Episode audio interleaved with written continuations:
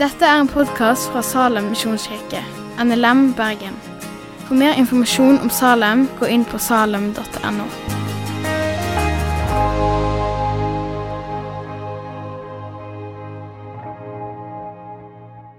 Du, For en glede å få stå her i dag på denne søndagen. Jeg heter Mathias, og for de av dere som ikke kjenner meg, så jobber jeg her i Salem. Jeg jobber hovedsakelig med studentene våre og de unge voksne som møtes til gudstjeneste her på lørdag kveld. Og, eh, og, så får jeg lov til å være med av og til, prate litt for dere på søndags formiddag òg. Det er en glede. Studerer jeg med Reidar, da. Jeg kan si det. Så jeg har hebraisk nå. Så hvis dere har litt forbønn til overs etter eh, konfirmantene og, og, Reidar, så jeg tar gjerne imot det, altså. For det, det trengs. Eh, men som sagt, og som dere ser på skjermen, så begynte vi sist helg en taleserie som heter 'Jesus i sentrum'. Og den handler om nettopp det. At vi som menighet, vi som kirke, vi ønsker å ha Jesus i sentrum. Jesus i sentrum som grunnlag av alt vi holder på med, av alt vi er, av alt vi gjør, og som vi bygger alt videre på. Og Det er derfor vi har valgt å begynne dette året her i kirka med akkurat denne taleserien. Fordi at vi vil at alt annet vi gjør gjennom dette året her, det skal være bygget på dette fundamentet og på denne sannheten. At vi har Jesus i sentrum. Så Sist helg så talte Gjermund om Jesus i sentrum av alt. Og Hvis du ikke har hørt den enda, så gjerne hør den på podkast denne uka. her. Da er du bedre forberedt på å, å, og få med deg det jeg prater om, og det som prates om de neste helgene. Um, og i dag så er tittelen min 'Jesus i sentrum av Bibelen'. Og jeg må si at i dag, og kanskje særlig i dag, så føler jeg meg litt ydmyk her jeg står. Fordi jeg vet at i denne salen her så sitter det mange som kan mye mer om denne boken enn meg. Det fins mange som har vandret sammen med Jesus, og som har brukt denne boken og lært av denne boken i mange flere år enn jeg har levd. Så i dag kjenner jeg meg litt ydmyk. Fordi at for oss som kirke så er dette en viktig bok. Det har jeg merket fra første gang jeg var på kontoret her. Det har jeg merket fra første gang jeg var her på en gudstjeneste. At for oss som kirke så er dette Bibelen vår, det er en viktig bok. Hvis du går inn på salom.no, så ser du at det står vi tror at Bibelen er Guds ord og har autoritet i våre liv og vår lære. Dette er en viktig bok for oss som kirke. Hvis du går inn på nlm.no, Misjonssambandet, altså organisasjonen vi er en del av, så ser du at det står vi tror at Bibelen er en troverdig bok og har Guds åpenbarte vilje. Vi tror at Bibelen er en troverdig bok og Guds åpenbarte vilje. Og så viser de til 2. Timoteus 3, der det står hver bok i Skriften er innblåst av Gud og nyttig til opplæring, tilrettevisning, veiledning og oppdragelse i rettferd. Dette er en viktig bok for organisasjonen som vi er en del av. Og dette, som jeg begynte med, er en viktig bok for oss som går her. Både som fellesskap, men også som enkeltmennesker. Dette er en viktig bok for oss å leve i og lære av. Dette er en viktig bok for oss for å kunne vokse som disipler av Jesus. Og derfor ønsker vi å snakke om denne boken i denne taleserien. Og Derfor kommer det så tidlig. Sist helg var det Jesus sentrum av alt. Denne helgen er det Jesus sentrum av Bibelen. Men hvorfor? Hvorfor er denne boken viktig for oss? Jo, fordi at vi tror at, denne boken, at i denne boken så finner du Guds ord gitt gjennom mennesker som vandret med ham, gitt til de som ønsker å være hans disipler. Guds ord gitt gjennom mennesker som vandret sammen med han, til, vi, til oss som ønsker å være Jesu disipler. Så Bibelen er viktig for oss. Og Da blir det et viktig spørsmål hva handler Bibelen om? Hva handler denne boken om? Hva står her? Og ikke minst, hva er sentrum? Hva er hovedbudskapet? Hva er det viktigste? Og så kan det jo hende at du skjønner litt hvor jeg vil, og at eh, det ligger en liten spoiler i det som står på skjermen, og i det taleserien heter. Men det er det vi skal snakke om i dag. Hva er det denne boken handler om? Hva handler Bibelen om? Så jeg håper du er klar for det. Hvis du har med deg Bibelen din, så gjerne slå opp i Markus kapittel 9. Det er der vi skal være i dag. Eh, og Hvis du ikke har med deg Bibelen din, så ser du at teksten er på skjermen. Vi skal lese fra vers 2, og vi leser i Jesu navn.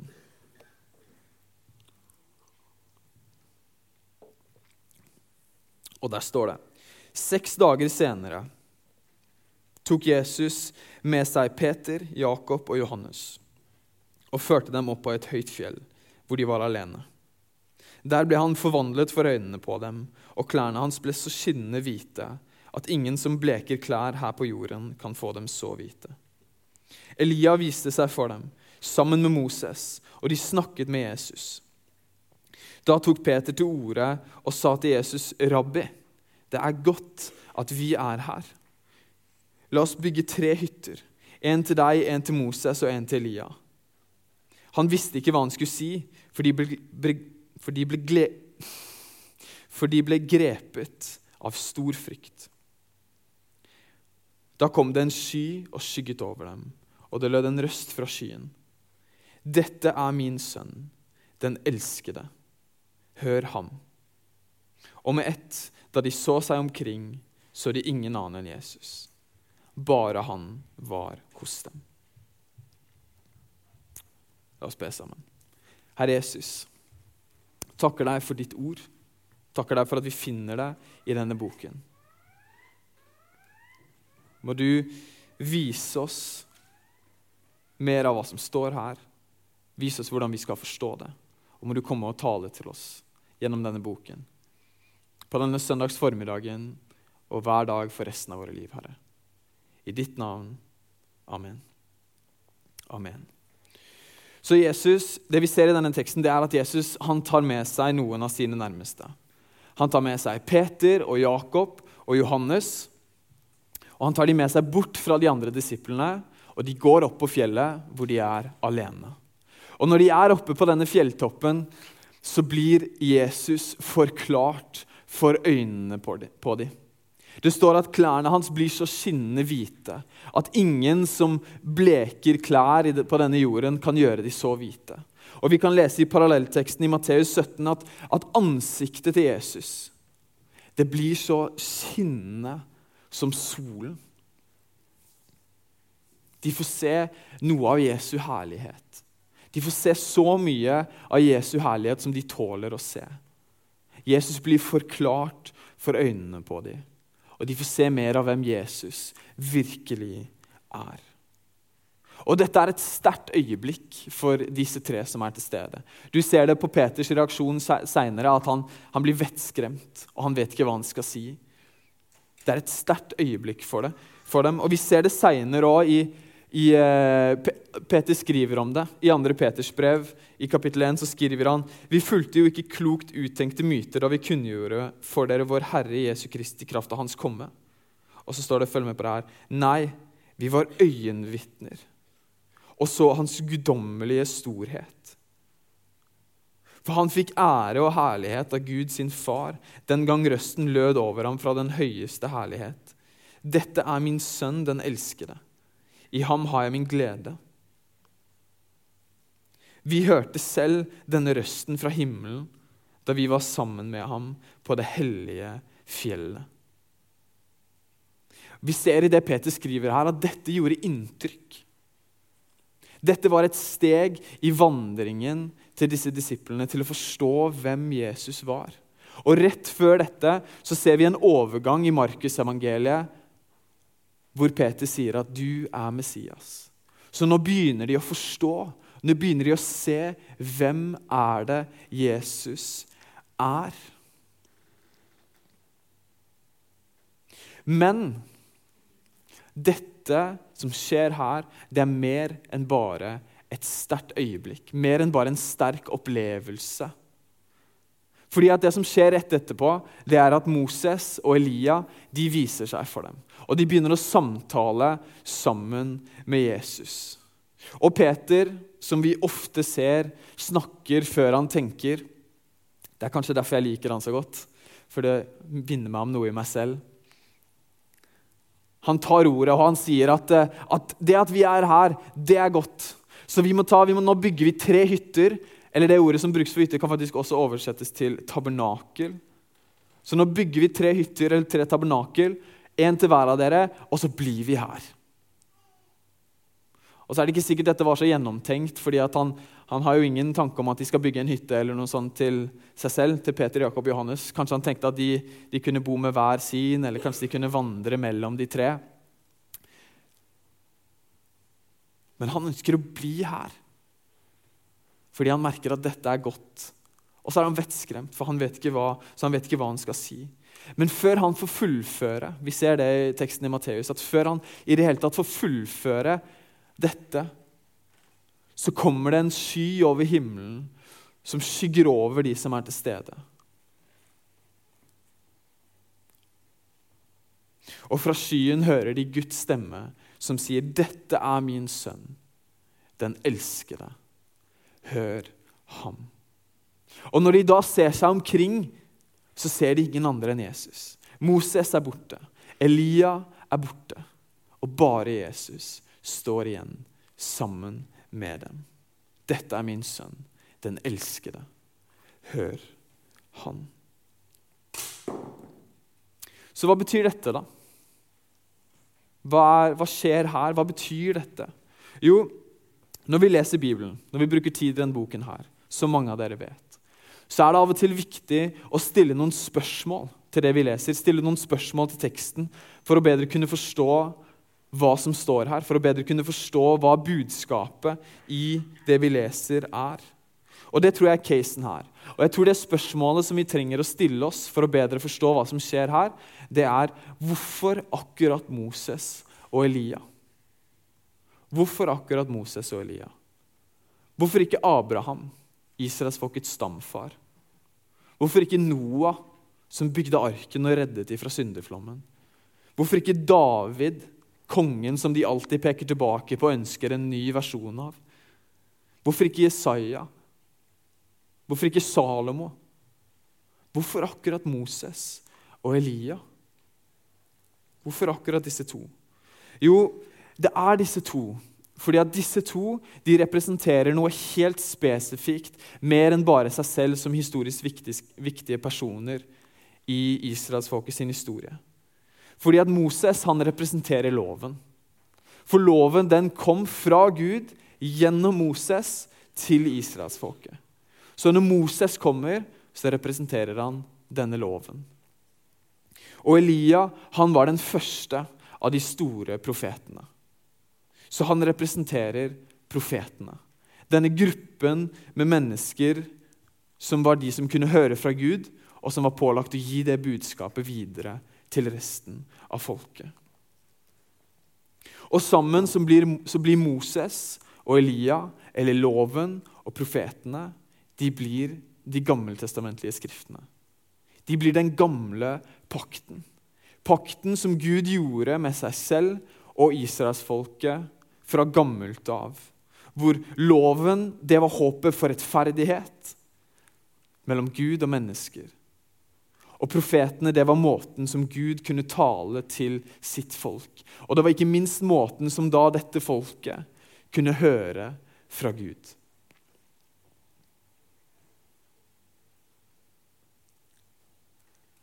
Og så kommer jo Gud i form av en sky, og han skygger over disse. Og han sier, 'Dette er min sønn. Hør ham.' Dette er min sønn. Hør ham. Og når dette skjer, så er det noe veldig viktig som skjer. Fordi her så markerer det, eller gir et bilde, eller det kommuniserer en overgang som holder på å skje. Det markerer at her, nå er det noe som skjer, nå er det noe som skal forandres. Det markerer en overgang fra den gamle pakten til den nye. Fordi nå er det ikke lenger gjennom loven mennesker kan bli gjort rettferdig overfor Gud, men det er gjennom Jesus. Og gjennom det som skal skje noen kapitler seinere i Markus, hans død og hans oppstandelse fra de døde. Og Det er ikke lenger gjennom profetene at mennesker kan høre fra Gud og ha fellesskap med han, men det er gjennom Jesus. Og det at Pga. hans døde oppstandelse så kan vi igjen ha fellesskap med Gud. Gud sier, 'Dette er min sønn. Hør ham.' Og de andre forsvinner. Moses og Elia forsvinner. Og det, må, Nå må dere forstå meg rett, fordi Dette betyr ikke at loven og profeten ikke er viktige lenger. Det betyr ikke at vi skal rive ut de sidene av Bibelen vår og, og bare ha Det nye testamentet igjen. Nei, Jesus sier det selv i Matteus 5. Han sier, 'Tro ikke jeg er kommet for å oppheve loven eller profetene'. Tro ikke jeg er kommet for å oppheve loven eller profetene. Jeg er ikke kommet for å oppheve, men for å oppfylle. Jesus sier det selv. 'Jeg er kommet for å oppfylle loven og profetene'. Og hvis han kom for å oppfylle, så må jo det bety at dette alltid var planen. Det må jo bety at dette alltid var planen, at både loven og profetene hele veien har pekt fram på Jesus. Og på hans død og på hans oppstandelse tre dager senere. Dette var Guds plan hele veien. Det var det han tenkte hele veien. Det var dette han ønsket hele veien. Loven og profetene var aldri tenkt å være planen i seg selv. Nei, Jesus han har vært håpet, og han har vært planen fra tidenes morgen. Han er den alt har handlet om. Han er sentrum av hele Bibelens historie. Alt handler om han. Han er midtpunktet, han er sentrum, han er klimakset for historien. Han er helten i fortellingen. Alt handler om Jesus.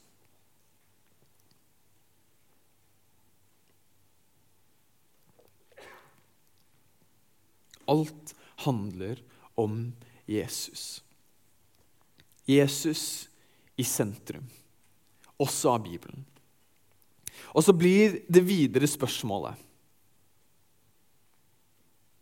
Hva betyr dette for oss som lever i dag, 2000 år etter det som vi nå har lest om?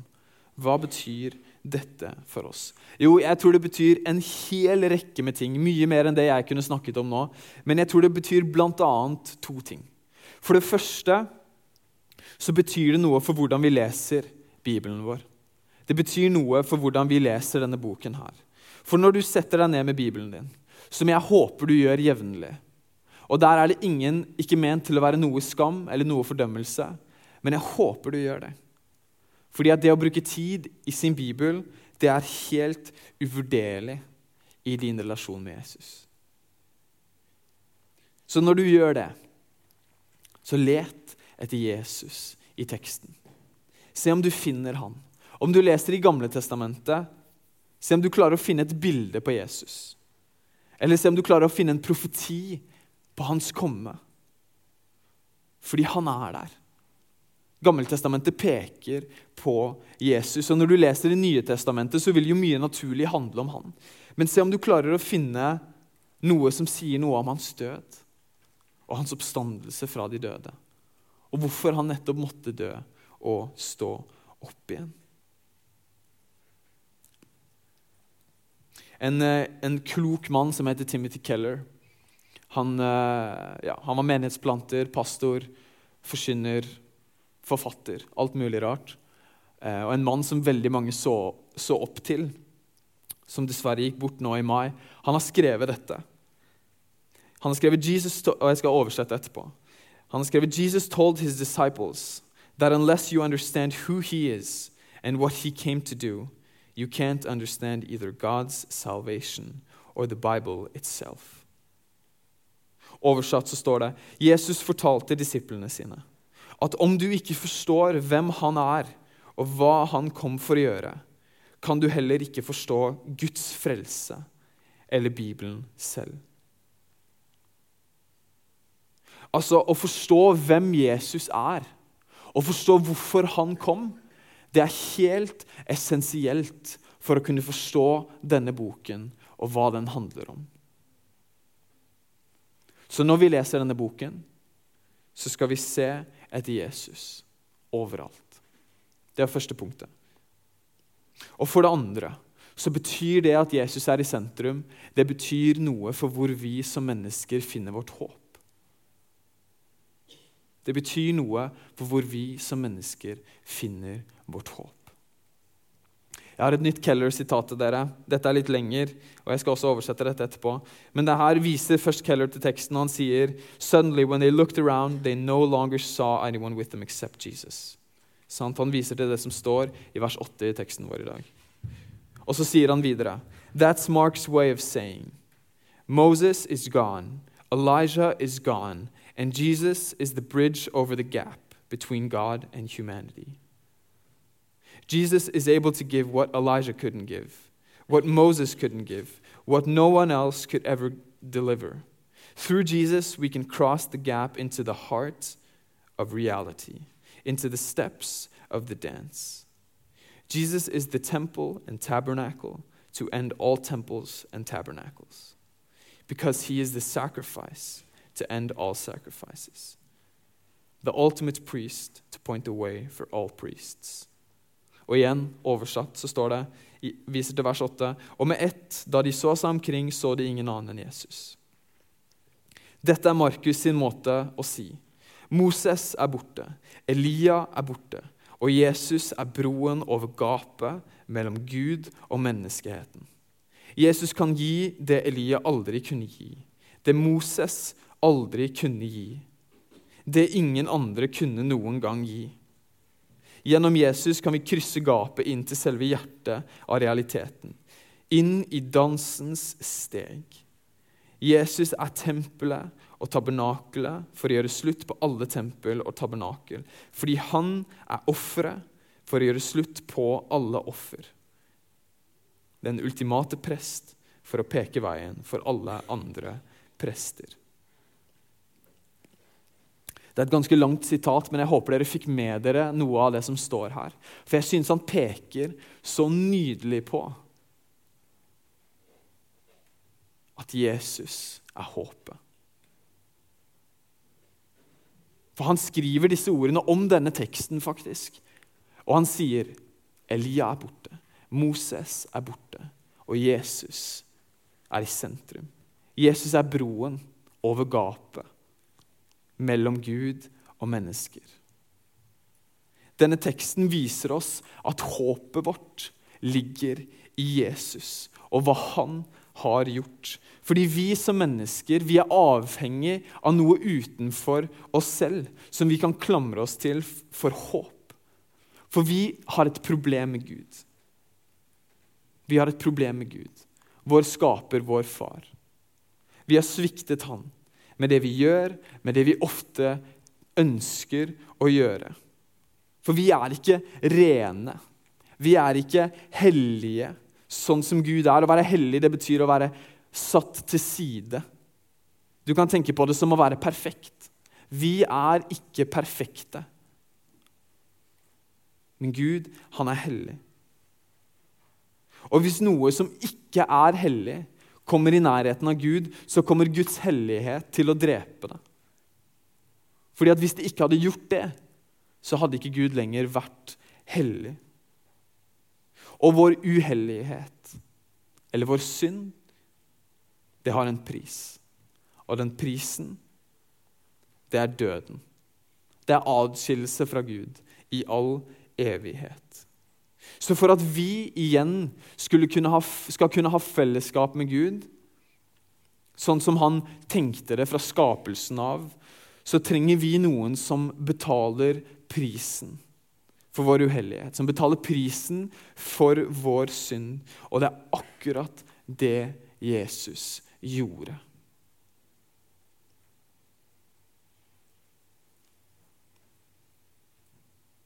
Han døde på korset. Han betalte den prisen. Han seiret over døden.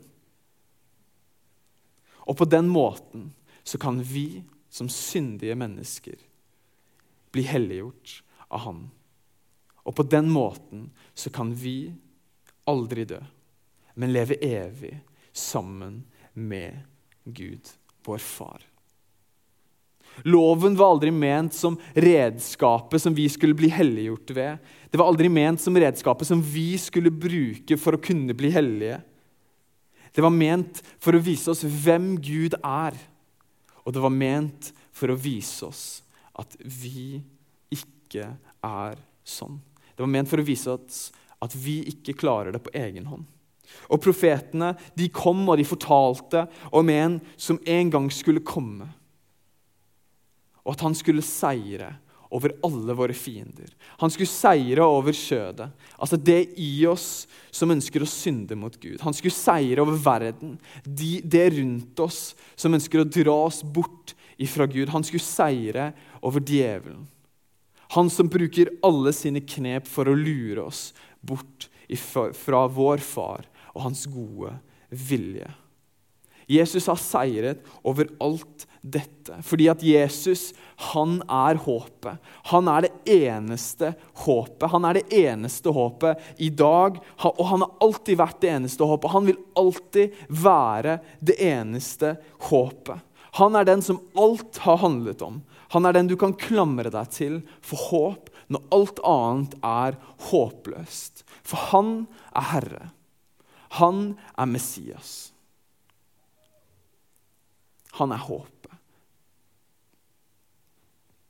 Han er sentrum. Han skal være sentrum av våre liv.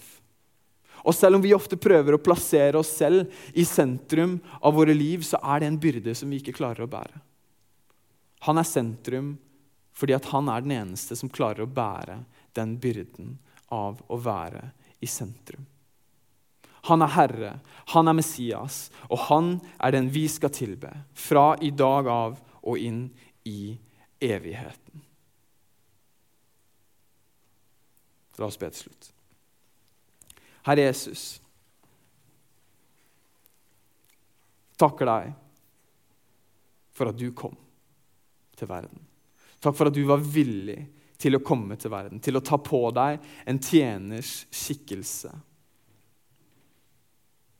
Og til å dø på det korset. Til å lide den smertefulle og ydmykende døden.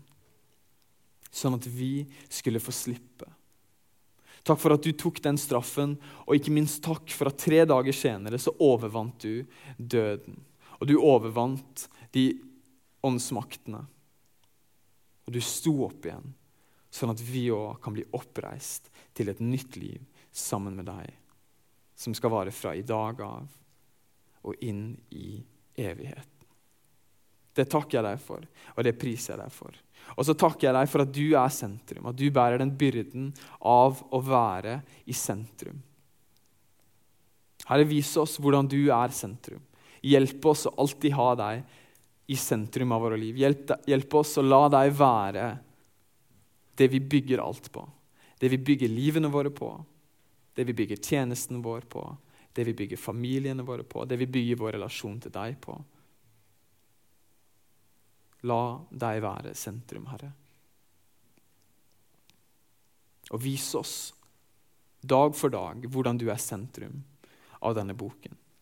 Vis oss hver gang vi leser i den, hvor du er, og at du er sentrum. Du er den alt har handlet om fra tidenes morgen. Og la deg være sentrum for vår tilbedelse fra i dag av og inn i evigheten, Herre. I ditt navn. Amen. Takk for at du har hørt på podkasten fra Salem, Bergen. I Salem vil vi vinne, bevare, utruste og sende, til Guds ære. Vi ønsker å se mennesker finne fellesskap, møte Jesus og bli disippelgjort her i Bergen og i resten av verden.